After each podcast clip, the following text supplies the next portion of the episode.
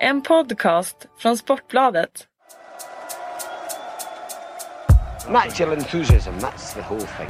It's the greatest thing in the world, natural enthusiasm.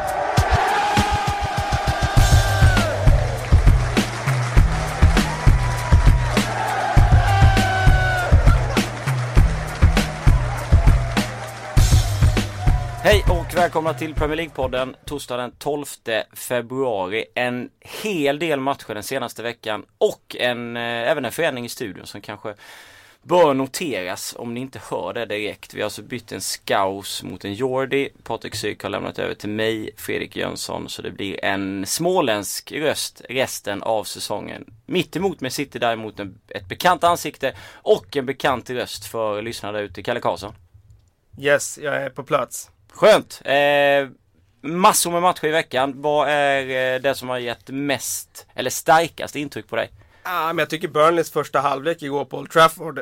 nu såg jag inte matchen igår, men jag kollade på reprisen som gick alldeles nyss här på, på Viasat. Och eh, det var ju otroligt eh, häpnadsväckande faktiskt att se ett Manchester United som är utspelat på hemmaplan av lilla Burnley.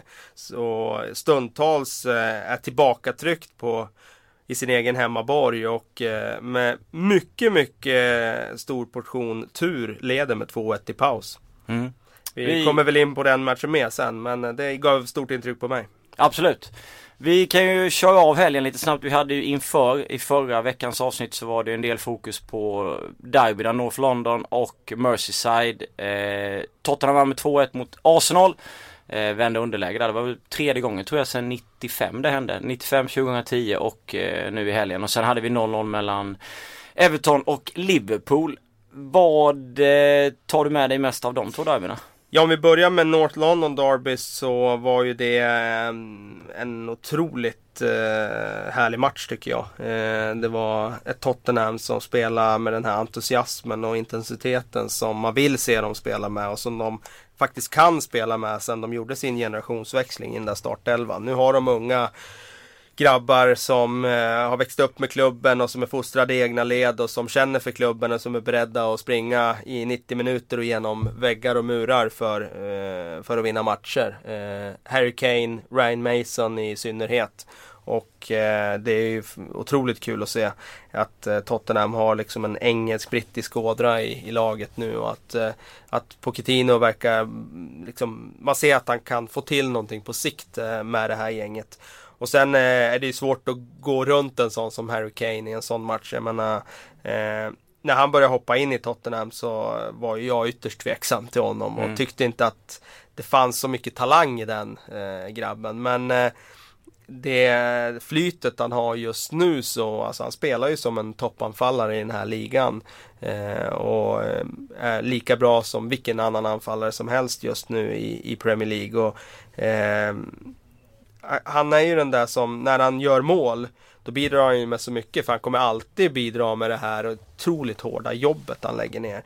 Så att ehm, Harry Kane eh, var ju onekligen dagens man där på White Hart Lane. Men även i den matchen då Ryan Mason var också roligt att se en sån löpstark eh, central mittfältare som, han är ju inte jätteung Ryan Mason utan han har ju slagit igenom ganska sent men nu känns det som att han är högaktuell för ett engelskt landslag om han fortsätter så här. Skulle behöva göra lite mer poäng kan jag tycka med Ryan Mason. Han skulle, när han får lägena skulle han behöva borra dit den ibland och eh, det är liksom det som man skulle vilja lägga till i hans spel nu. Men annars så skulle jag tro att han är väldigt nära en uttagning i landslaget. Du har ju berömt Arsenals eh, försvar i de större matcherna Ja. och de fick ju en bra start offensivt sett när eh, Özil eh, följer med upp och eh, Giroud får väl en det känns som att han får en halvträff Ja. och Özil trycker in 1-0 där men sen så eh, har ju inte Arsenal sådär jättemycket i resten av matchen. Och när jag satt och tittade på så tyckte jag väl att Wenger borde ha kunnat göra någonting, kanske några tidigare byten för att försöka att komma in i matchen lite mer. För att Tottenham hade ju ett järngrepp, liksom bara pumpa på. Ja. Ehm, jag gillar ju Wengers nya sätt att angripa de här stora matcherna. För det han har gjort tidigare, det har ju uppenbarligen inte lyckats. Det är därför de inte har vunnit några stormatcher i princip på de senaste fem åren. Och, eh, det är så lätt att säga med facit i hand men nu gör ju Tottenham deras egen mål i 85 mm. och det, hade de fått 1-1 på White Hart Lane så hade ju det varit, ja, det hade varit ett godtagbart resultat. 1-1 eh, borta mot ett formstarkt Tottenham liksom. Det, ja, det är helt okej. Okay. Och det var ju inte ett Arsenals match riktigt. Så det är klart med facit i hand kan man tycka att, att uh, han kunde ha förändrat, han kunde ha gjort annorlunda men i det stora hela Eh, och det är ju för sig tacksamt för oss att vi får sitta och säga saker med facit ja, i hand. Så det är, ja, det är klart att eh, så här i efterhand, det är klart att han kunnat förändrat. Men jag gillar ändå hans sätt att angripa de här stora matcherna nu med, en, eh, med, mer, med mer pragmatism. På söndag hade vi West Ham, Manchester United. När man tittar på Uniteds offensiv så tänker man ju alltid att det borde kunna sprudla en hel del mål. De hade rätt stora problem. Jag satt och kollade på via sändning i paus så var det någon av Jag tror att det kan vara ett Cormac som sa att det kan också varit en taktik av United att låta West Ham ha en del och liksom ha tålamod i matchen, inte åka på det här jobbiga baklängesmålet och försöka istället eh, avgöra i andra halvlek. Men sen ser vi när United möter Burnley att de har stora problem igen. Vinner den matchen i och för sig med 3-1 och tar ändå med sig fyra poäng eh, den här senaste veckan. Men det är inte så att man liksom imponeras jättemycket av deras spel. Det, det är stora problem i United. Ja, det är enorma problem och eh, man kan alltid säga att det är starkt att vinna matcherna och att det tyder på styrka och det gör det ju. Men det tyder ju på att de någonstans har en individuell skicklighet på några spelare som blir utslagsgivande. Men det är ju inte så här eh, fansen och all, spelarna och Fanchal vill att Manchester United ska spela. Utan det såg ju hemskt ut ett tag eh, i perioder i, i, matchen mot Burnley mm. igår. Eh, och det har ju gjort det under stora delar av den här säsongen. Jag kan inte peka på så många matcher där Manchester Uniteds spel verkligen har fungerat riktigt bra. Eh, det jag drar mig till minnes är Chelsea hemma när det blev 1-1 och de kvitterade i, i slutsekunderna där. Den matchen spelar de ju väldigt bra fotboll i. Och de vann ju borta mot Arsenal och det var ju ett oerhört starkt resultat. Så att det är snarare toppmatcherna. Vi har ju inte sett ett Manchester United som har spelat ut lag på undre halvan i den utsträckningen som vi gjort hos Mana vid att se tidigare år. Och det är ju uppenbart att eh, spelmässigt så det finns ingen eh, systematik i deras spel. Eh, det, det, finns ingen eh, eh, idé om hur man ska ta sig framåt i planen utan det är mer att man förlitar sig på, på de egna spelarnas skicklighet och när inte det funkar, när inte Di Maria är i den här otroliga formen han var de första 5-6 matcherna han gjorde i klubben då, då är det som att det inte fungerar. Mikey Carrick tycker jag är en sån här eh, nyckelspelare för Manchester United. Att han, han sätter ofta an tonen. Framförallt nu när de inte har några bra eh, bollspelande, passningsskickliga försvarare. De får aldrig den där tydligheten med den där första passningen. Så att han är helt central när han är på plan. Då är det han som styr rytmen i matcherna. Och när han inte är det, då, då blir det som igår ofta, upplever jag. att eh, Smalling, Jones, Paddy McNair och de här, de, eh, de håller inte den klassen man kan kräva av Manchester United-försvarare i passningsspelet. Småling gjorde ju by the way igår ett historiskt inhopp. Ja. Som första spelare jag två mål i första halvlek och så var han ju mittback också liksom, eller försvarare. Och det... Ja, satt ett annat rekord också. Det är ju ingen inhoppare som gjort ett så tidigt mål någonsin i Premier League-historien. 22 sekunder va? Nej, men jag tänker efter sex minuter ja, i matchen. Ja, absolut. Nej, det är sant. Det är det, sant. Det var det Man brukar inte hoppa in så tidigt. Bentner gjorde väl ett uh, mål efter åtta sekunder eller sånt där som inhoppare när han gick in och nickade in en hörna mot Tottenham tror jag det var till och med.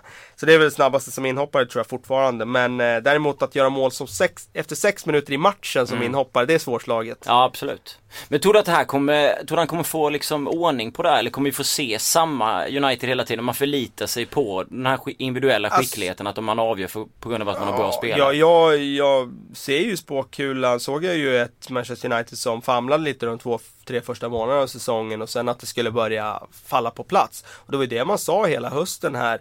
Eh, så fort man eh, nämnde att Manchester United inte fungerar bra, då sa ju alla kontrar ju med då, ja ja men de har ju den här skadekrisen och vänta tills alla är tillbaka och så vidare. Och eh, Fachal manade ju till lugn och sa det kommer ta tre månader. Nu är vi inne i februari. Ja. Nu har det gått väldigt lång tid av säsongen. De här försvararna som var skadade i höstas, de är ju tillbaka nu. Alltså Shaw är tillbaka, Rojo är tillbaka, Phil Jones är tillbaka. Nu blir han skadad igen och det säger väl någonting om hur skadebenägen han är.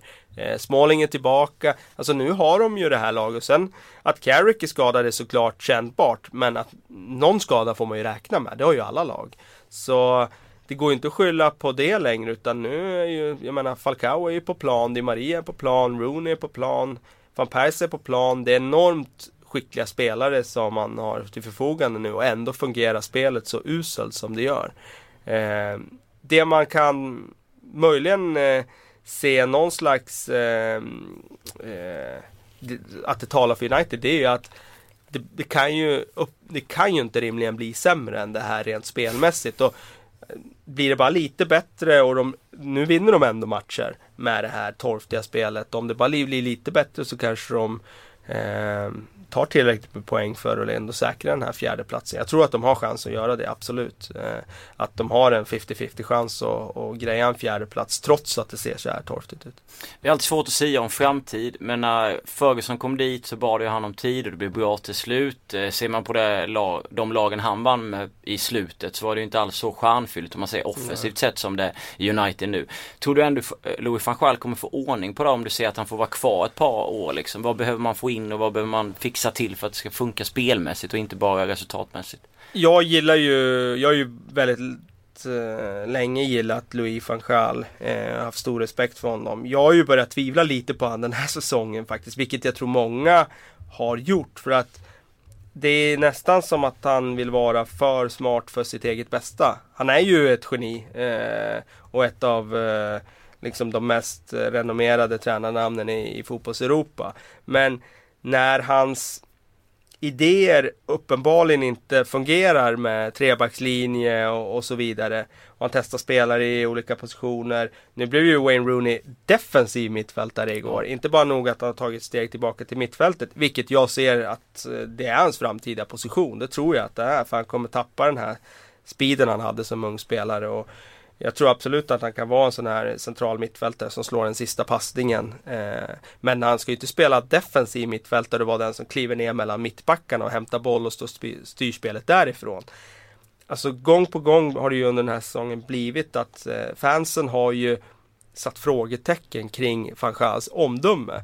Så jag, jag har ju tappat lite av eh, det här grundmurade förtroendet jag hade på att han skulle reda upp det här sjunkande skeppet som man tog över efter Moyes. Däremot så har de ju så enormt stora resurser att ja. åtgärda det här med. Och när de har det så kommer det ju bli bra till slut. Alltså lägger de ytterligare en och en halv miljard i sommar eller en miljard i sommar så förut, alltså, pumpar du in den där typen av pengar då, då sätter du ju spelare som har en kvalitet som inte går att snacka bort till slut. Sen får man inte göra eh, gigantiska misstag. Jag tyckte, jag var ju väldigt frågande till Falcao-dealen. För jag tyckte inte att det var eh, bra spelare absolut, men han kommer tillbaka från en knäskada. Han är inte jätteung. Det är jättemycket pengar inblandade trots att det bara är ett lån till att börja med. Så är det en väldigt stor investering i lön och i en kostnad för att ta honom nu. Eh, alltså den typen av misstag tycker inte jag man får göra som klubb. Utan mm, man måste sätta sina värvningar även om du har väldigt mycket pengar. Sen underlättar det otroligt mycket om du har mycket pengar. Och då har du råd att göra något misstag här och där på vägen som inte mindre klubbar har. Men eh, nu när de går ut och värvar i sommar så måste de ju pricka in verkligen sina värvningar. De måste, de måste lyckas på transfermarknaden och det, det det, det, är det det handlar om. Med den attraktionskraften som United har så tycker man att man ska kunna hitta en spelare som passar bättre in än Falcao. Det håller jag med dig om. Louis van Gaal var ju själv väldigt besviken på insatsen igår. Sen tänker man att han är 63 år gammal. Eh, nu kan man ju hålla på ett bra tag till om man vill, ett par år till. Men frågan är om man egentligen är rätt person om man inte får ordning på det här skeppet med tanke på att det är United och det är de klassspelarna som är där. Ja, vi får ju se hur den här våren utvecklar sig. Jag tror ju Eh, jag tror ju inte på att eh, hålla på att byta tränare. Eh, utan jag tror ju på att ge förtroende till en tränare. Så får man utvärdera efter den här säsongen om man har missat fjärdeplatsen och den här våren har fortsatt varit extremt torftig. Då, då är det klart att man kan eh, eh, sätta ett litet frågetecken. Mm. kring, eh, kring hans framtid så. Men jag tror att han kommer få ett två år i alla fall. Ja. Att försöka. Han får en sommar till på sig och, och reda upp det här. Det är jag helt övertygad om. Han har så pass mycket förtroendekapital med sitt namn och sådär. Hade det varit ett mindre namn då kanske han hade eh, ja, s- suttit mer löst. Rivalklubben i stan, Manchester City. Eh, inte så imponerande hemma mot Hull i helgen och haft det lite tungt på slutet. Vann borta mot Stoke 4-1. Eh, vad tyckte du funkade där som du inte har sett tidigare? Ah, jag, jag, så, jag har inte sett matchen ännu mot Stoke men man kan ju konstatera att Sergio Aguero är ju tillbaka nu. Mm. Eh, han var ju faktiskt mållös i ligan sedan början av december. Ja, 13 matchen var nu. Ja, 12, precis. ja. Nu har inte han spelat alla Nej, matcher för han är skadad en ja. månad. Men det har gått 13 matcher och han, jag tror han hade spelat i alla fall sex matcher. Mm. Eh, sen då början av december när han gjorde mål senast. Och med tanke på hans otroliga form i höstas när han faktiskt snittar på över ett mål per match. Så är ju sex matcher utan mål för honom med, det är ju en evighet. Eh, men nu satte han ju två påsar och eh, man kan ju ana att han är ju lite av en sån där ketchup-spelare. Att nu kommer det säkert trilla in några framöver här. Eh, jag eh, skrev ju här på webben, jag skriver ju sådana här Premier Manager tips inför varje omgång och jag satte ett frågetecken kring om den dyraste spelaren i hela tävlingen var värd de pengarna just nu. Men eh, där fick man ju krypa till korset. Nu satte han två mål och nu eh, finns det väl anledning att tro att, att eh, han kommer att eh, ja, hitta sin målkänsla igen. Nu kommer ju Boni in dessutom Mm. här nu tillbaka från afrikanska och sådär. Det blir väldigt intressant att se nu om Pellegrini går upp på, jag skulle gissa det, att han går upp på eh, två anfallare nu och testar Boni och Agüero tillsammans. Och ehm, Alltså City har ju inte riktigt funkat nu på sistone. Nej. Och Pellegrini är ju en 4-4-2 tränare. Och eh, jag utgår från att eh, liksom hans recept nu för att lösa det här det är att gå upp på 4-4-2 igen och spela mycket rakare och snabbare. Eh, som, man gjorde, som City gjorde i början av förra säsongen. Då tyckte jag de var oerhört eh, roliga att se och svårstoppade dessutom. Eh, så att eh, jag skulle tro att Boni Agüero nu blir hans plan för att ta sig ur den här lilla svackan de har haft. Sen har vi Yahya Touré, en glad Yahya Touré givetvis, Ja. som, precis som Bony. Eh, tillbaka. Det skiljer ju dock fortfarande sju poäng upp till Chelsea med tanke på att William gjorde eh, mål igår. Han har faktiskt gjort sina sex PL-mål de sista 20 minuterna. Eh, tror jag det är, jag läser om Yahya. statistik. Nej, William. William, ja. Eh, vilket är lite småintressant att han just har eh, varit så pass otroligt viktig i offensiven när vi har pratat mycket om att han har tagit en eh, bra defensiv roll i Chelsea. Men det här sena målet där, sju poäng. Tråkigt för eh, slutspurten i Premier League. Ja, det tycker jag ju. Eh, det är klart att vi vill ha spänning ända in i, i alla fall i slutomgångarna vill man ju ha matcher som lever. Det är ju det roligaste som finns när det verkligen står och väger där. Men eh, det känns ju som att eh, det blir väldigt svårt att ta igen det här försprånget som Chelsea har skaffat sig. De vinner ju de här tajta matcherna. Det var ju ganska tajt borta mot Aston Villa här också Absolut. förra omgången. Eh, och nu var det super, super tajt. Eh, jag eh, tyckte faktiskt lite synd om Everton igår. De har ju, har ju en sån här säsong när eh, att det fungerar inte riktigt. Eh, och nu har de de senaste omgångarna verkligen fokuserat, det har ju märkts, på sitt försvarsspel. Och de har släppt in avsevärt färre mål. Mm. Eh, de hade väl inte släppt in mål nu på, jag vet inte hur många minuter det var, men det var väldigt länge i alla fall. Och så gör de en väldigt, väldigt bra försvarsinsats igår. Jag tycker John Stones var eh, briljant igår i mittförsvaret och bland annat. Och så kommer det där målet som ändrar lite riktning och, och ställer Howard i, i sista minuten där. Det var ju inte alls orättvist till spelmässiga övertaget på något sätt. Men eh, det var lite synd om Everton. De, det är som att de tar sig inte ur det här eh, motflyttet de har haft det här året. Nej, de fick ju till och med beröm av Mourinho efteråt. Eh, även om en hel del fokus runt Chelsea var på Ivanovic eh, påhopp där och eh, Mourinhos fina relation till media fortsätter. Ja. Han drog därifrån som Han drog från BBC-intervjun. Först eh, var, hade han ju sitt bråk med Sky där, Jamie Redknapp, och då hyllade han ju BBC. Men nu har han dragit från intervjun med BBC. Det är som att eh, han vill ha de här krigen. Va, alltså, det, det, det är de som Ja. han liksom lever av och får energi av. Det är som att eh, han kan inte coacha ett lag utan att skapa den här atmosfären av att det är vi mot världen.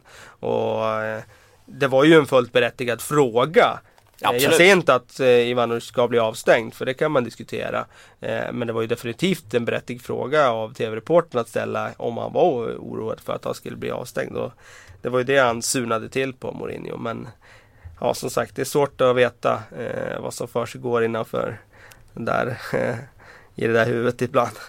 Innan vi går vidare, jag tänkte på en sak. Eh, det finns ju flera olika typer av managers i Premier League. De har sina egna stilar. Du är själv tränare i division 3, Kalle. Mm.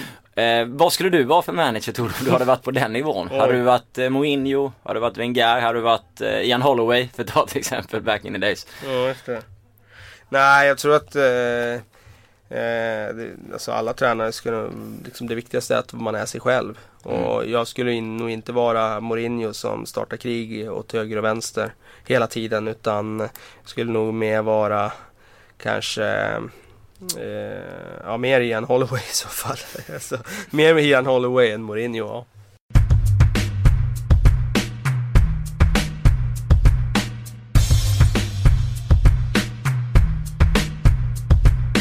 Vi ska kolla lite, eller diskutera lite Everton. Jag tänkte bara flika in i, i Stoke City. Crouch nickade in bollen. Hans 45 nickmål i Premier League. Ja, Vet du vem på- som ligger före? Ja, det där har jag ju vetat någon gång. Vänta nu. Det Jag har en stor borde- kärlek till honom som fotbollsspelare, inte som Ja. manager. Du kanske vi kan lista ut vem han är. Mark Hughes? Nej. Nej, Alan Shearer. Alan har- han har Shearer. 46 stycken. Ah, okej. Vi kan väl kanske lova lite att Crouch kommer slå det där rekordet, tyvärr. Okej, det var inte han jag tänkte på. Och det var inte Mark Hughes jag tänkte på heller. Det var någon annan jag tänkte på. Men Ian ja, Dublin kanske? Nej, jag vet inte. Jag minns inte nu. Mm. Men eh, jag trodde det var, det var någon annan som hade gjort ett nickmål. Men ja, okej. Mm. Crouch tvåa på listan. Man kan ana att han går upp etta på den listan. Ja, det han känns som att han kommer nicka in eh, någon mer innan han lägger av. Men eh, Everton. Eh, jag hade eh, ganska höga förväntningar på dem inför den här säsongen. Nu är man fem poäng ifrån strecket ner. Ja, vad är det som har gått fel? Ja, det är, det är en väldigt, väldigt intressant fråga för att de tryckte ju upp förväntningarna ganska Ja, rejält när de värvade Romelu Lukaku för närmare 30 miljoner pund i sommar. Och det var ju en affär som Everton inte har gjort på det sättet tidigare. Det var ju en barriärbrytande affär Mm. för dem. De spenderar en extremt stor summa på eh, en spelare som är ung och på väg uppåt i sin karriär och som ska bli ett ny, liksom en, en talisman i deras eh, bygge. Och så hade de Ross Barkley, eh, Eh, de hade John Stones, alltså det, de har spännande spelare i klubben. Det var ju nu de skulle ta avstamp uppåt och bli ett liksom, topplag. Så kommer den här säsongen. Men tittar man på eh, deras passningsspel den här säsongen, det var ju det eh, Roberto Martinez la ju om spelet när han tog över och tittar man på deras passningsspel så har ju inte det fungerat under hösten. Och nu har man ju känt den senaste tiden att de har börjat spela mer rakt. Och att spelarna då har ju sett uttalas lite om att de har uppskattat det, att de har spelat lite mer rakt. Och det, mm, jag vet inte om det, de har hamnat i en liksom där man letar lite efter vad, hur ska vi ta oss ur det här? Och det, Det finns ingen riktig trygghet. Nej, det finns ingen trygghet och det finns nog ingen riktig klar linje där eh, tränare och spelares eh, idéer kring det går hand i hand. Utan jag tror att Martinis fortfarande vill hålla kvar lite grann vid det här. Alltså, han är ju en tränare som förespråkar spel efter marken. Men spelarna kanske känner att vi ska spela mer rakt med tanke på också vilka typer av spelare de har. Lukaku är ju en stor stark forward som definitivt eh, passar. Egentligen den bästa eh, perioden han har haft i sin karriär var ju när han spelade i West Bromwich som var ett utpräglat kontringslag då. Så att ehm, ja, det är svårt att säga. Sen tragiskt tycker jag att se en sån som Ross Barkley som har haft en så tung period nu. Han har ju suttit på bänken i vissa matcher. Och han var ju under fjolåret tyckte jag engelsk fotbolls mest spännande spelare tillsammans med Raheem Sterling då. Han var ju Han hade ju en fysik och ett eh, alltså en, en förmåga att ta fram bollen i plan och driva i fart som, eh, som få mittfältare har faktiskt. Ska vi, eller ska Everton-supportrar vara oroliga att de hamnar i en knivsituation med lagen där nere? Jag tror det är farligt alltid för alla klubbar överallt att tro att man är för bra för att åka ut när man hamnar i en sån här säsong när det verkligen går emot och man får inte resultaten med sig. Men jag går ändå emot mig själv nu och säger jag tycker att de är för bra för att åka ur. Det finns Ja. för många plankor. Det ska inte gå för ett Everton att åka ur i Premier League i år. Utan jag tror faktiskt att det blir lite som det var förut. När de hade en tendens att göra väldigt starka vårsäsonger.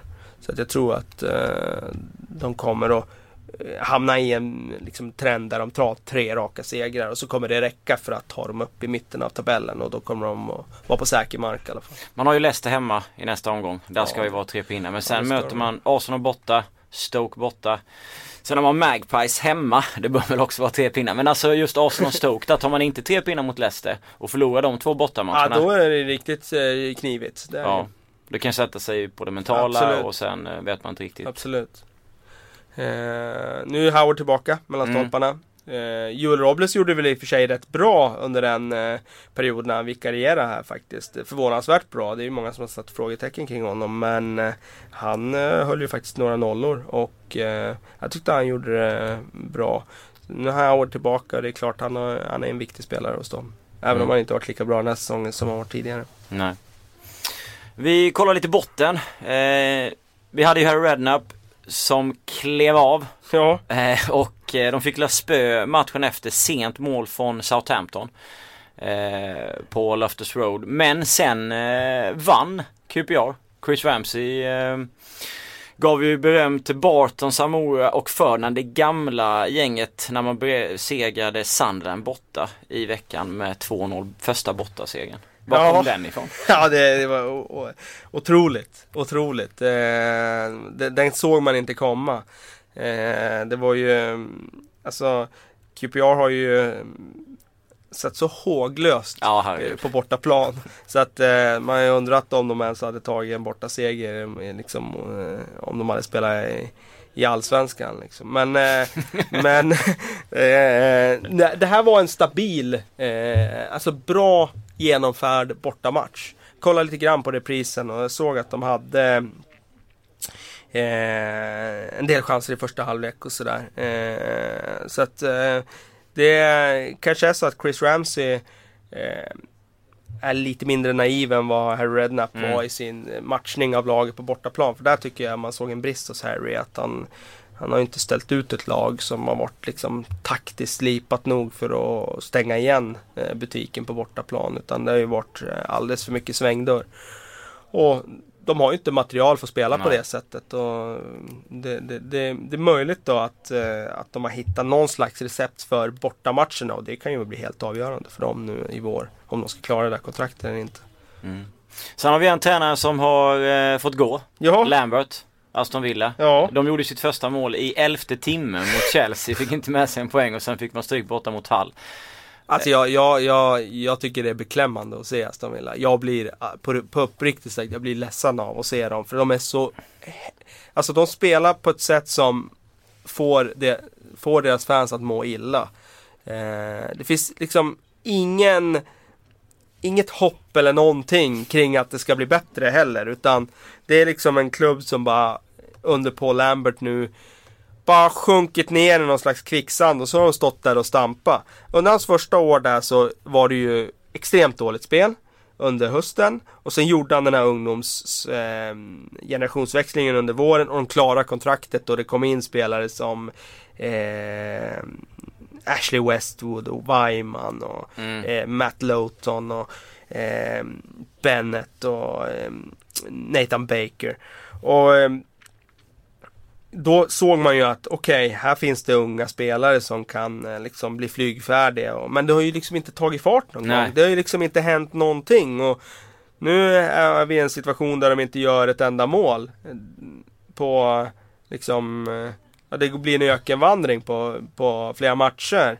Och Benteke sitter på bänken. Och det är liksom eh, det här var ju oundvikligt. Jag trodde inte att han skulle få gå. För jag trodde att Randy Lerner, med tanke på att han vill sälja klubben, ägaren då, Randy Lerner som under en längre tid har velat sälja klubben och kanske inte vill göra de här investeringarna som eh, eh, Som en, äh, ja, men, alltså, ja precis som fansen vill och som han hade gjort om han hade varit mer eh, angelägen om klubben.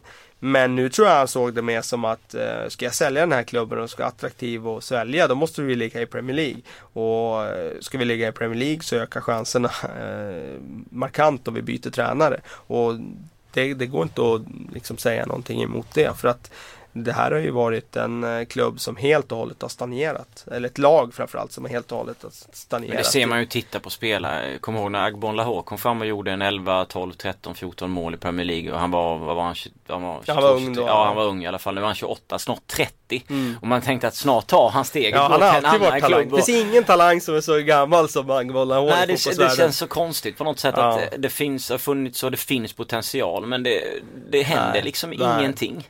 Och nu har de ju fått in Gil från eh, Valencia, Spanien mm. här och han ska ju bli den här kreativa spelaren nu på mitten. Det som var positivt det var ju att Fabian Dell förlängde kontraktet där. Ja, det, var det, det var ju lite överraskande och positivt för Aston Villa faktiskt. Och det är väl där, där någonstans man får hämta hopp. Och sen att den här Gil då som har visat lite lovande tendenser att han eh, alltså, ger dem en kreativ dimension som de inte haft tidigare. Men det är väldigt, väldigt få liksom eh, tecken som tyder på liksom att Aston Villa Eh, att, att saker och ting pekar åt rätt riktning. Nu får vi se med det här tränarbytet. Får de in en eh, tränare som kan skaka liv i det här eh, omklädningsrummet och, och få spelarna att tro på någonting igen så, så kan det säkert eh, vara så att de får ett litet lyft i vår. Och det vore ju jätteroligt för att det som sker nu på Villa Park det är ju tragiskt att se. Du tycker det var helt rätt? ja, jag tycker det med tanke på att eh, vi ska komma ihåg att Lambert har ju under den här tiden han har varit i klubben har ju suttit löst några gånger. Under första säsongen ja. där var det ju framförallt då minns jag innan det kom den där vändningen på slutet där när hans unga spelare gjorde några bra matcher och precis räddade kontraktet. Innan dess var ju fansen i uppror och det var ju många som ville se honom kicka. Då fick han ju en hel del beröm också när de eh, kunde när, ta det här. Exakt, när han räddade det där kontraktet fick han ju massa beröm. Då trodde då. man ju någonstans ja. att han skulle få ut mer av sitt lag. I Sen har det bara stått helt stilla efter det. Helt och hållet stilla. Bara, det har inte hänt någonting. Och eh, eh, det blir intressant att se vilken typ av tränare de tar nu. Det var intressant att se om de tog en eh, Alltså man kan ju gå linjen att man tar en Tony Pulis typ som Okej okay, nu ska vi försöka spela ja. den typen av fotboll Ska stå och lyfta långa bollar upp på Benteke och spela väldigt rakt och enkelt och Få med oss någon 1-0 vinst här och där eller om de med det här unga materialet som de ändå har och jag känner ändå att det finns en entusiasm hos spelare som Fabian Delf och Weimann och de här. Alltså, om man tar en offensivt lagd tränare som förespråkar att de ska spela fotboll. Och det kör. Vore, ja, och kör och se. Det vore intressant på att se vad de går för linje nu. Om du skulle plocka en tränare, kan du göra det? Och bara kasta rakt in? Ja, Tony Pulis. Nej, men eh, för det är ju en garanti för att man kan stanna ja, kvar. Absolut. Jag tror bara den. Men, eh, nej, men jag skulle gärna se kanske, det finns ju inte så många brittiska tränarnamn tycker jag sådär. Eh, bara eh, så som är lediga och tillgängliga och som tilltalar mig i Aston Villa-kostymen. Men alltså, nej, svårt alltså. Väldigt, väldigt svårt. Mm. Eh, väldigt svårt. Sean Dyche. Mm. Burnley. Mm. Han, blir svår, han blir dyr att köpa över men. Ginger Mourinho. Burnley som också är i högsta grad inblandade i eh, bottenskiktet. Vi har alltså Hall på 23 poäng, QPA 22, Aston Villa 22, Burnley 21 och sist är Leicester på 17 med Nigel Pearson som varit i blåsväder. Och skulle vi typ egentligen ha försvunnit efter torsken mot Arsenal om man ja, läste väldigt, lite väldigt... brittiska tidningar. Ja, det var väldigt, väldigt oklara turer där efter den matchen för att det dök ju upp uppgifter om att han skulle få sparken. Tydligen så det, ja enligt de rapporterna så ska Nigel Pearson själv ha trott att han också skulle få sparken under en tid. Men sen gick klubben ut och dementerade det där och sa att nej men så var det inte. Och sen eh, vad hade vi ju den här incidenten med att han mm. brottades med James MacArthur och eh, eh, Men han kom ju undan där. Eh, mm. Eh, och han har ju ringt till James MacArthur och rätt ut det hela. James sa väl själv att det var ett skämt? Eller? Ja, jag tror det. Och han sa i alla fall själv, eller Nigel Pearson själv sa ju att det var inte så farligt och så vidare. Så att... Eh, Grejer han ett kontrakt med Leicester? Jag har svårt att se det. Däremot så beundrar jag ju klubbens hållning att man inte har tryckt på, på eh, den här knappen och sparka ut han i första bästa tillfälle. Utan man, man har ändå visat förtroende för en tränare som tog dem till Premier League. Och, eh, jag, jag tvivlar på det, tyvärr. Med det utgångsläget de har. Men eh, jag gillar ändå att de har gett honom förtroende och inte bara liksom sparka ut honom och tagit in Ryan Giggs eller något sådär namn bara mm. rakt från hatten liksom. Bara för att? Ja, bara för att liksom. Vi har pratat en del toppen. Jag såg att du hade ett plusknäck ut på sajten så man bör läsa procenten till att ta en eh, CL-plats Mm. nästa säsong. Vi har varit inne på bottenskiktet här nu. Vilka tre lag ser du åka ut, Kalle, just nu? Ja, det- Leicester är ju ett av dem. Ja, Jag tror tyvärr att Burnley blir ett av de lagen. För att eh, bara av den anledningen att eh, de, eh, de små kan vara tappra väldigt länge men sen eh, faller de på någonting. Någon liten grej.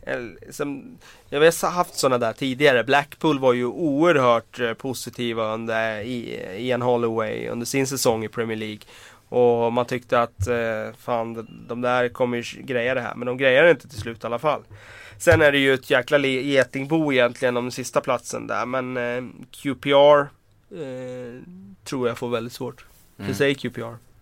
Vi har, VBA räknar vi med att de fixar det där. Med tanke på Tony. Sen har vi Sunderland, sen ligger Crystal Palace där och Everton. Hall ligger ju där också. Ja, Hull ligger där också. Nu vann ju de här en match och det var ju oerhört viktig seger för dem såklart. Mm. Eh, och det var ju det som... Eh, ja, det känns, känns som att Hall, eh, där är nyckeln Tom Huddlestone tycker jag. Han gjorde en jättebra match nu mot Manchester City i helgen när de fick krysset där. Och han var ju jättebra i fjol när de eh, överraskade. Och hamna eh, på bra placering. Men han har ju inte alls varit den spelaren i år och suttit på bänken en del. Men om Huddlestone nu hittar tillbaka och blir den där trygga pjäsen på mitten där. Då känns det som att det kommer vara en nyckel för Hall verkligen nu när de ska kriga om det här.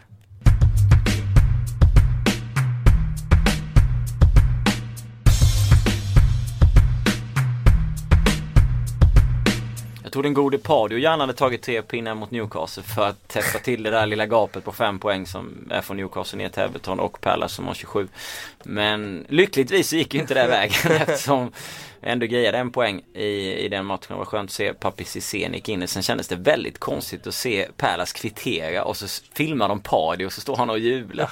Sen är det inte så konstigt att man jublar som manager men... Eh, Men ja. de menar att han inte borde ha jublat? Nej, han borde, ja, du menar det? Ja, ja, nej alltså spelare brukar inte göra det men det är klart att han ska jubla där. Men det kändes konstigt för mig för att Ja, men- haft han i.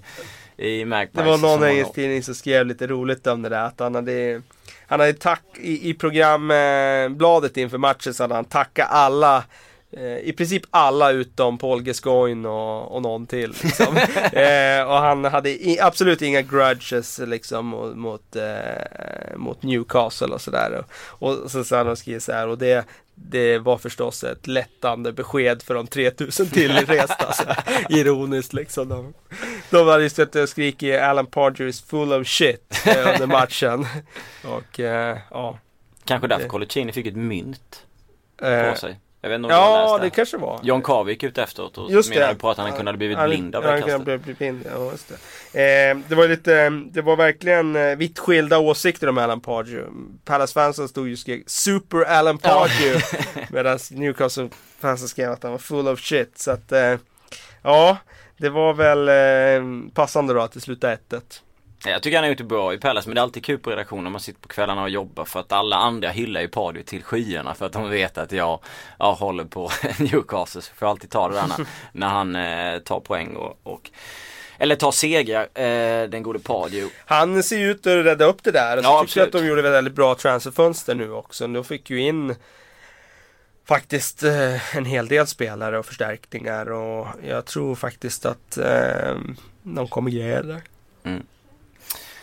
Det händer ju en hel del eh, saker i fotbollsvärlden och det, man kan förvånas när Fernando Torres flyttar till Madrid och, och gör två mål. Men i veckan så hände det också en väldigt ovanlig sak. Mario Balotelli gjorde mål i Premier League för Ja. Liverpool. Och blev ju hjälte mot Tottenham på hemmaplan. Ja, Vem hade gissat det när han kom in med kvarten kvar?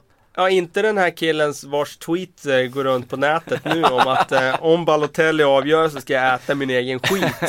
Eh, och, eh, men eh, jag satt faktiskt hemma och såg matchen med en kollega och jag sa så här, Balotelli kommer ju avgöra nu. Och eh, mycket riktigt, fem minuter senare så, hade han stoppat in bollen i mål. Det var lite typiskt, jag har väl i och för sig sagt så tidigare matcher Ja. också haft fel så att eh, Eh, någon gång ska det väl slå in och det här var den här gången. Han eh, eh, har ju känts som att varit extremt ute i frysboxen och eh, ännu mer med att Raheem Sterling har liksom tagit klivet fram och blivit den där eh, spetsspelaren i anfallet.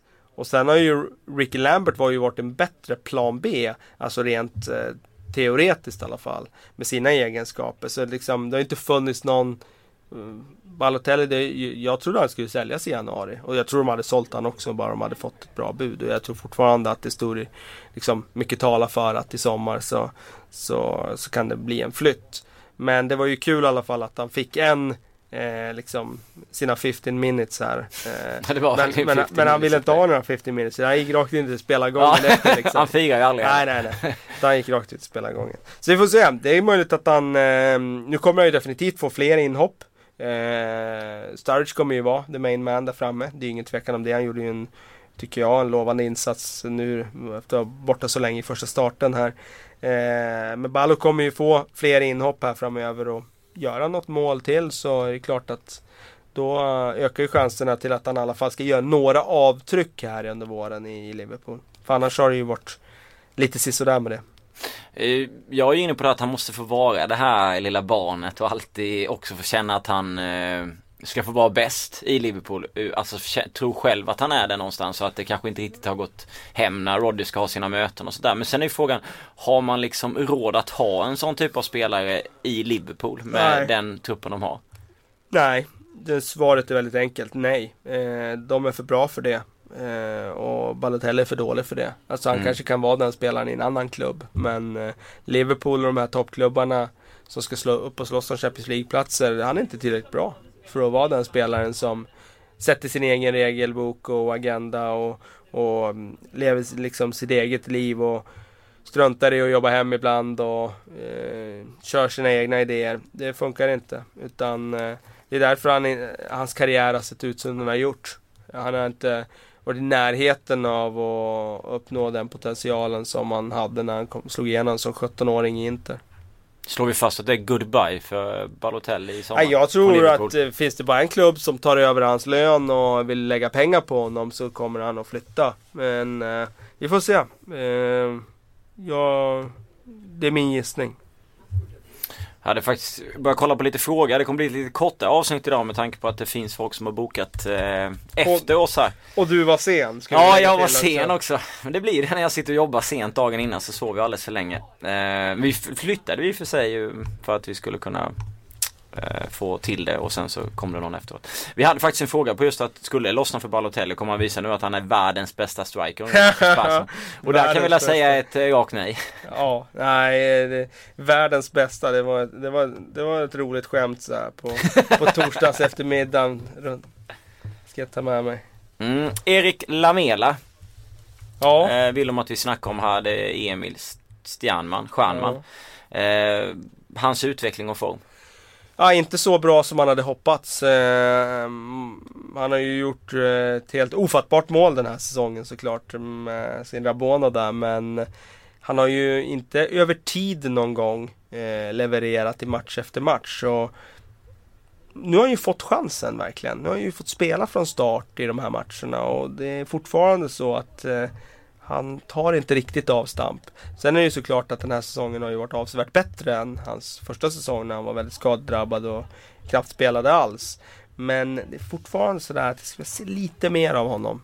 Mm. Sen är det klart, det är lite otur för honom också att Simon Mignolet gör en helt fantastisk räddning här på, på Anfield ja, senast. Den var sjuk, den, då, då gör han ju allt rätt och avslutet är det egentligen inget fel på.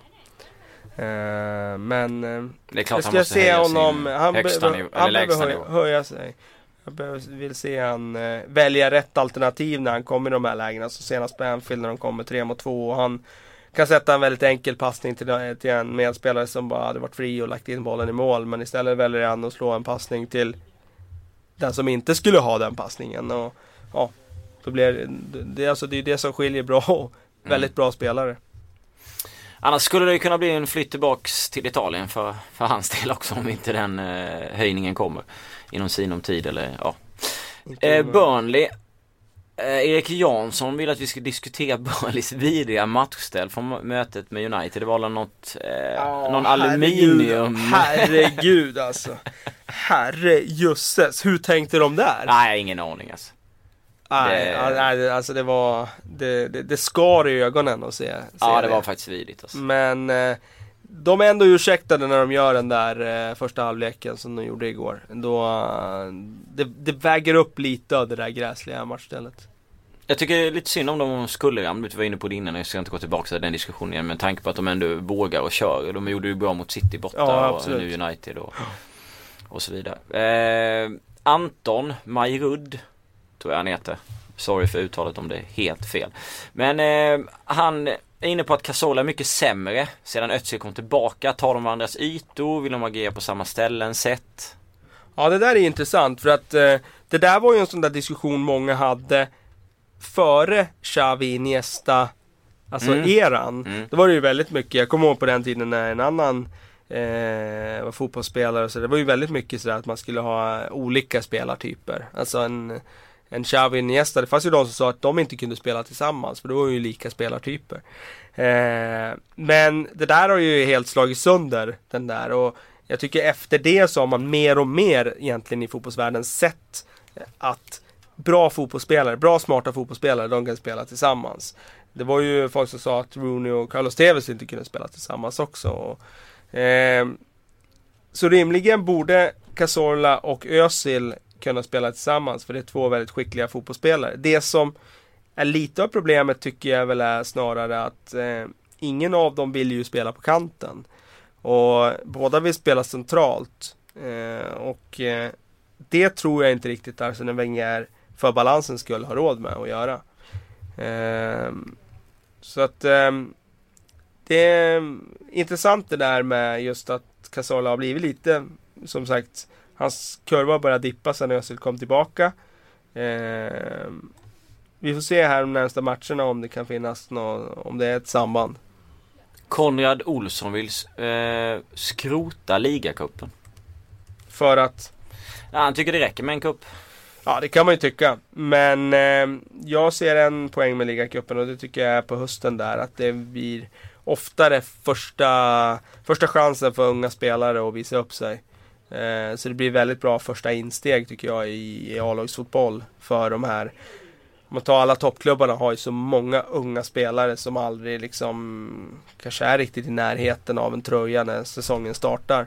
Men de får visa upp sig i ligacupen och så får de nyttiga A-lagsminuter och det har de med sig sen framöver. Så det ser jag som en stor poäng. Sen finns det ju också såklart en tradition kring ligacupen i England. Så att, eh, nej men jag ser nog att den ska vara kvar ändå. Sen är det inte så att för egen del att jag tar en eh, superallvarligt och så. Utan det är ju eh, jämfört med ligan och FA-cupen och Champions League så ligger den ju, den är inte ens fyra utan den är ju ännu längre ner på skalan såklart. Men eh, eh, jag, skulle- jag vill nog ändå ha kvar den. Fin övergång från ligacupen till FA-cupen som är i helgen. Mm. Vem tror du prioriterar den mest av Liverpool? Arsenal, United och ja, topplagen som är kvar. Ja du, jag tror ju, jag tror ju verkligen Louis van Gaal prioriterar den eh, rejält. Dels för att United inte har vunnit FA-cupen sedan 2004 om jag minns rätt. Och dels för att eh, han inser nog att eh, en trofé från den här säsongen, det, det skulle ändå eh, smälla högt och ge honom för, liksom ändå någonstans lite eh, förtroendekapital från det här året och en, en känsla av att de har tagit liksom något steg framåt. Så att eh, jag tror att han satsar väldigt, väldigt hårt på FA-cupen. Arsenal vann ju den i fjol eh, och det var ju väldigt, väldigt bra. Fick slut på titeltorkan. Jag skulle tro att deras fokus kommer snarare vara Champions League och att eh, gå bra i ligan. Vi var inne i podden tidigare på att det skulle bli en kortare podd för att vi inte hade så mycket studietid. Men vi fick eh, ett gäng minuter över och med tanke på vår kärlek till Premier League och er lyssnare så tänkte vi att vi kör ett gäng frågor till helt enkelt. Eh, vi har en från Sebastian Lysell som menar att eh, spelare som Özil och Paulista inte pratar engelska. Hur stort är ett sånt problem egentligen på fotbollsplanen, Kalle? Eller är det ett problem?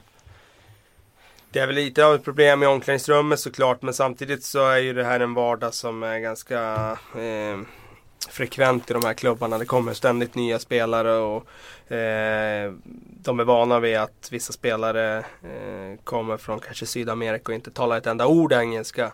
Så att eh, jag tror inte att det är något jätteproblem men det är klart att det det är önskvärt att spelarna över tid sen lär sig språket och kan kommunicera med varandra. Jag vet ju att i många klubbar så förbjuder man ju att, att de ska få prata eh, något annat språk än det inhemska så i omklädningsrummet för att få lite mer sammanhållning och så i laget.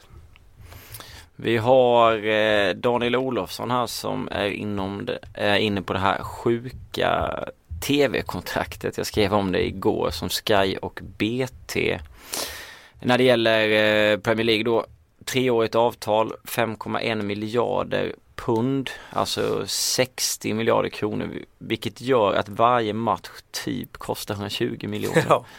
ja, det är ofantliga pengar. Det har liksom eh, stigit till astronomiska nivåer och man har svårt att se bara när du säger det där 120 hur de ska kunna räkna ihop, räkna ja. hem det. Men det, det understryker verkligen hur starkt Premier League är runt om i världen när de som sitter på rättigheterna då uppenbarligen kan sälja varje match till omvärlden för hiskeliga summor. Så att eh, det, um, det är ett problem såklart. Eh, jag menar, ju mer det här eh, TV-avtalen, eh, de trycker upp de här pengarna, ju mer kommer det kosta konsumenterna som ska få mm. titta på Premier League. Och Eh, I slutändan så blir det eh, högre löner eh, och det blir en lönekarusell av det och det kommer att leda till ännu högre biljettpriser. Alltså det är ju den alltså följden det blir i längden. Det snackas ju om typ dubbelt så höga löner inom 4-5 år med tanke på hur tv-avtalen ökar. Ja, jag ser inte det som orimligt. Alltså pengarna kommer ju alltid att hamna hos de som står, alltså de som står för underhållningen till slut. För att de kommer att ifrågasätta om ägarna drar in enorma belopp så kommer de spelarna och spelarfacken ifrågasätta varför inte de fått större del av kakan. Precis som det har varit i NHL. Där det har blivit lockout till slut. Eh, och det tror jag mycket väl kan bli i fotbollen också. Att spelarna kommer kräva ännu högre löner och då kommer klubbar som eh, har ännu större intäkter och vara beredda att betala ännu större löner. Mm. Eh, Marcus Bergman, Darren Fletchers ledaregenskaper. Ja, de kan man diskutera en dag som denna med tanke på att han har kommit in i West Bromwich nu och verkligen fått en central roll där. Han var ju, mm. gjorde några oerhört svaga eh, insatser för Manchester United där under vintermånaderna. Och det är lite synd om Darren Fletcher med sin magåkomma och det här. Och han har inte riktigt kommit tillbaka egentligen till fotbollen.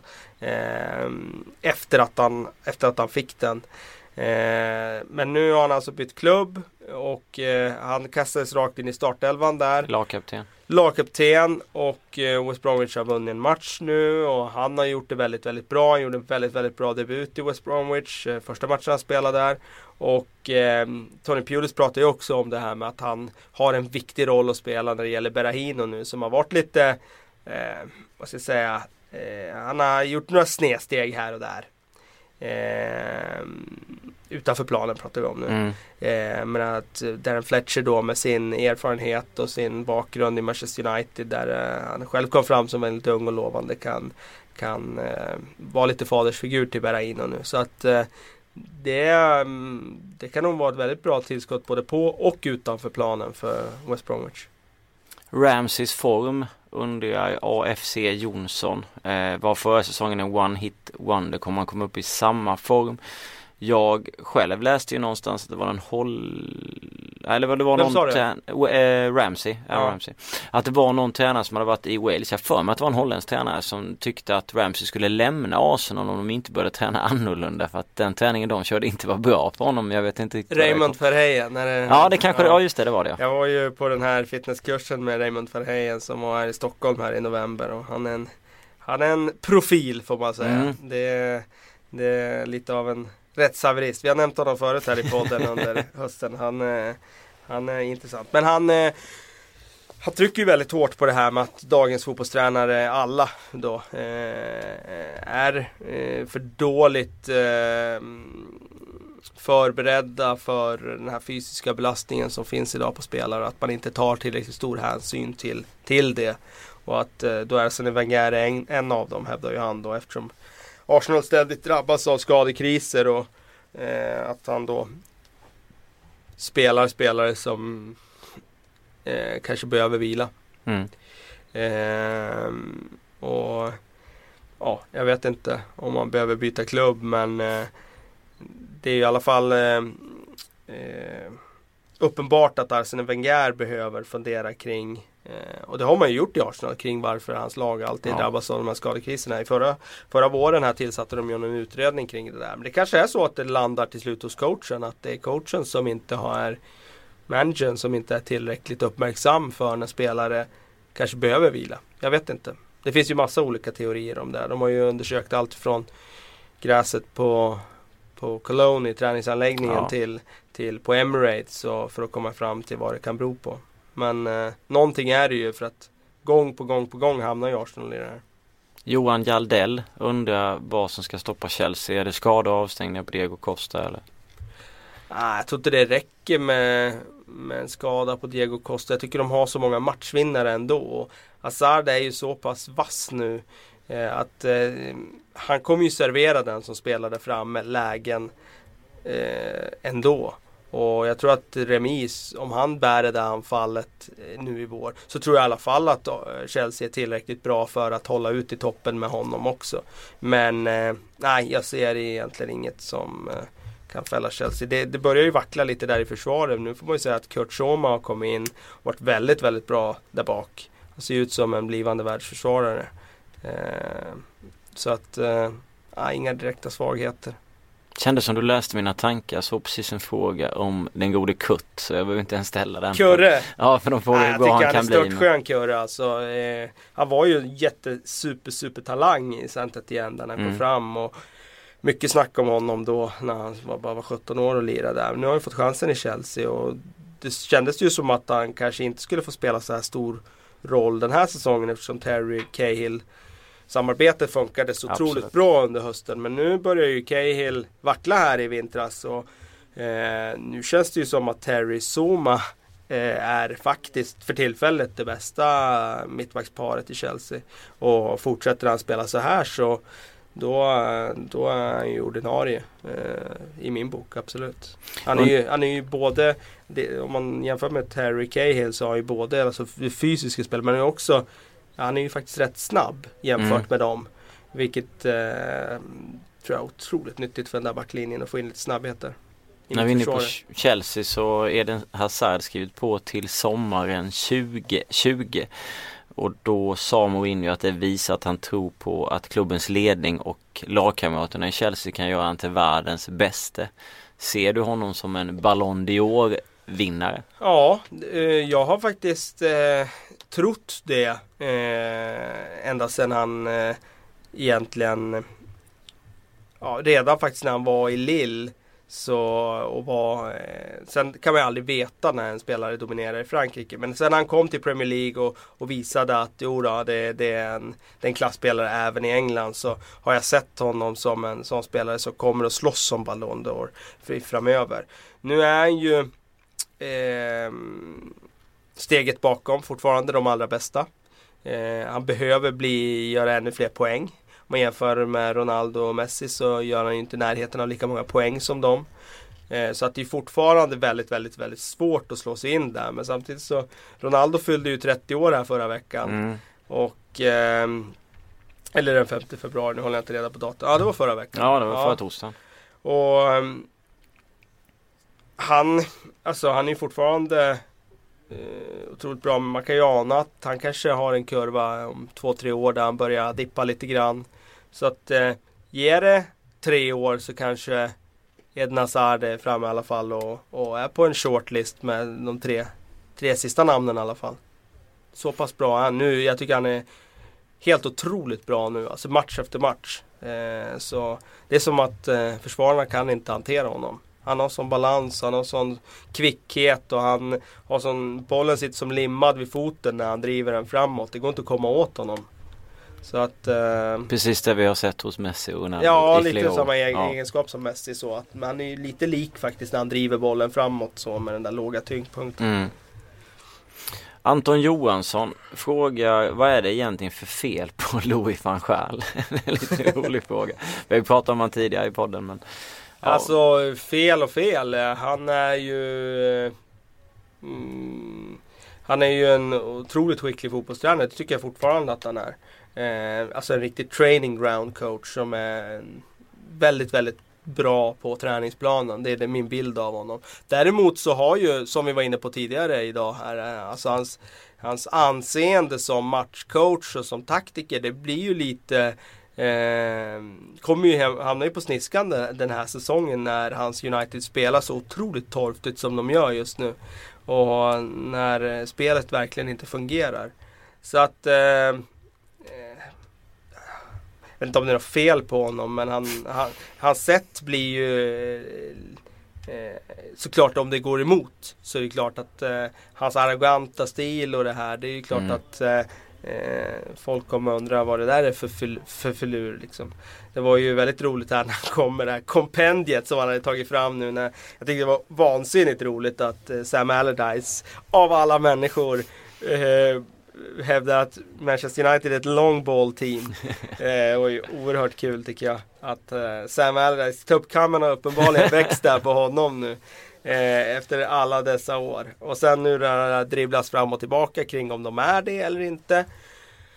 Men man kan ju, man kan ju vända och vrida på statistiken där och jag tror att United är en av de klubbarna i Premier League som har slagit flest långbollar. Men då kan- får man ju vända det också till att har de slagit störst andel långbollar av alla passningar. Det kanske är den bästa måttet på det. Och där hamnar det väl någonstans i mitten. Men de är ju klart högre i statistiken där än vad Arsenal och City Absolut. och sådana klubbar är. Så det är klart att det finns. Sen är det ju också så här att det är klart att nu har ju Fellaini använts rätt mycket i United Absolut. den här säsongen. Och när han spelar så då bör man ju använda hans styrkor och då har det ju blivit mer långbollar på honom när han har spelat. Så det såg vi ju senast, inte minst mot West Ham där sista när han blev plan B och de började skicka långbollar. Så att... ehm, Det är ju ingen dum idé som Nej, sagt. När de är väl spelar med honom så ska man ju nej. Det var ju roligt i och för sig, Sean Dyche här efter matchen här. Han hade lite självdistans för både Burnley och United har ju fått höra att de är långbollslag. Och då sa han att eh, eh, bollen behövde tas till sjukhus efter matchen. Att- Han är skön.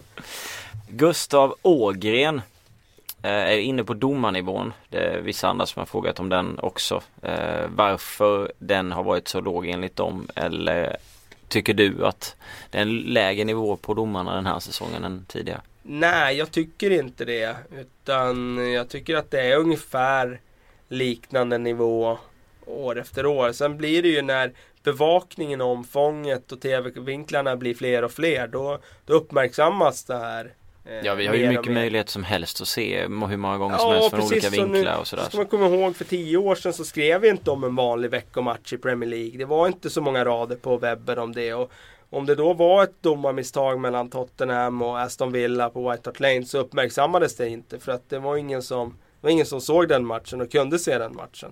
Så att det är väl, jag tror det har mer att göra med liksom den här enorma bevakningen som är kring Premier League idag. Att, att det blir mer fokus på den typen av eh, domarmisstag idag för att man upptäcker det och för att man eh, uppmärksammar det. Klyschan informationssamhället helt enkelt. Ja, lite så, lite om, så faktiskt. Ja, det tror jag. om det hela tiden. Ja, Eh, vi har en fråga från, uh, jag har tappat bort den. Just det, Tobias Gibo som undrar vilka som vi tror tar steget upp till eh, Premier League så får vi kika på Championship. Jag måste säga att jag trodde väl ganska hårt på Norwich. eh, att de skulle klättra tillbaka. Ja, direkt. klättra tillbaka. De ligger väl en sexa, sjua tror jag i tabellen. Eh, annars är det väl Middlesbrough, Bournemouth, Derby, Ipswich, Watford.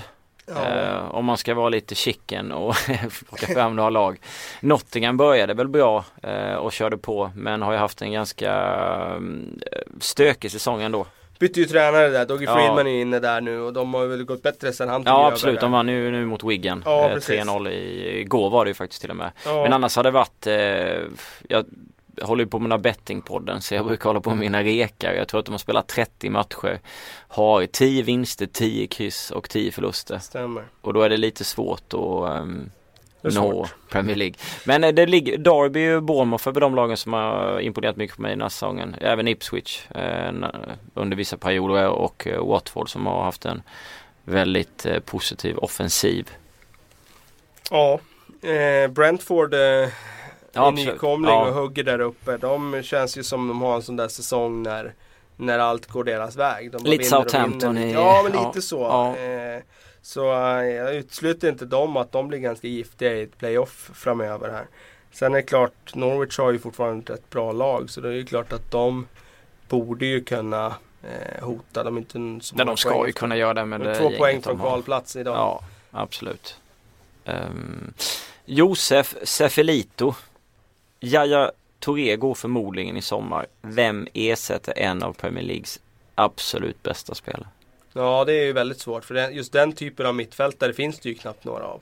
Nej. Alltså, det är därför de inte har en nej. person som kommer in och täcker när han är borta ja och det går exakt, lika och det är bra. ju därför en massa andra klubbar i, letar efter just den spelaren. Det, det finns ju ingen jaja och bara plocka sådär. Det är ju klart att skulle det finnas det så skulle det- så skulle eh, många klubbar hugga rakt av. Jag menar Manchester United har ju letat en central mittfältare i alla år utan att hitta det egentligen. Eh, Så att eh, jag vet inte vem som ska ersätta honom. Om han går i sommar. Samtidigt kan de verkligen släppa honom när statistiken så tydligt visar på hur mycket bättre laget är med honom på planen. Han är 32 va? Ja, det kan stämma. Han är Ja. 83 va? Ja, jag tror, ja, Ja. ja. någonstans där. Så han har ju ändå några år kvar om City vill liksom suga ut av honom. Så, att, så- så sätt så vore det ju dumt att skicka iväg honom. Det ryktades väl om inte i januari vilket kändes eh, väldigt eh, osannolikt att han skulle flytta, göra den flytten. Just då. Och det snackas om en prislapp runt 85-100 miljoner kronor. Men då var det i sillisvep och annat som vi höll på och pratade om. 100 miljoner kronor hade jag ju lätt betalat för Jara. Mm. Trots hans ålder. Ja, för att, eh, Så definitivt. pass bra är han ju fortfarande. Får ut två riktigt bra år. Om man skulle inte ta honom så tror jag att han skulle göra två riktigt bra år. Där nere. Mårten Everbrand, Mourinho, vi snackade om tidigare i podden. Varför har Mourinho aldrig sett några fula saker som Chelsea-spelarna har Nej gjort? men det där är ju hans grej liksom. Han, han kör ju den där grejen att eh, det är klart att han har sett dem men han vägrar ju och han vill ju inte sätta fokus på det utan han sätter ju fokus på det som motståndarna gör för att liksom visa att kolla det de andra gör. Så att eh, Vi det, mot det, dem, Det som- är lite, ja det är lite det där vi mot dem och han, han är ju väldigt, eh, alltså, han, han, det är ett spel för honom där. Och han spelar ju spelet bättre än någon annan får man ju säga. Det här psykologiska spelet ut, utanför.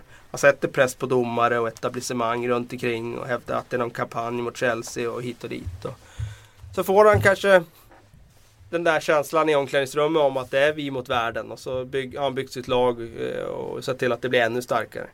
Det var ju underbart när han var i Real Madrid och gjorde uttalanden om media och sa att han skulle flytta till en klubb där eh, i ett land där de, pressen gillar honom Ja, och behandlar honom på ett helt annat sätt Ja, och sen Så så tog det inte så lång tid innan han var osams med tidningarna och sajterna i England. Nej. Det, jag tror att det kommer vara så oavsett var han är någonstans. Eh, Det är ju lite hans levebröd där att han, att han rör upp känslor både eh, onda och goda.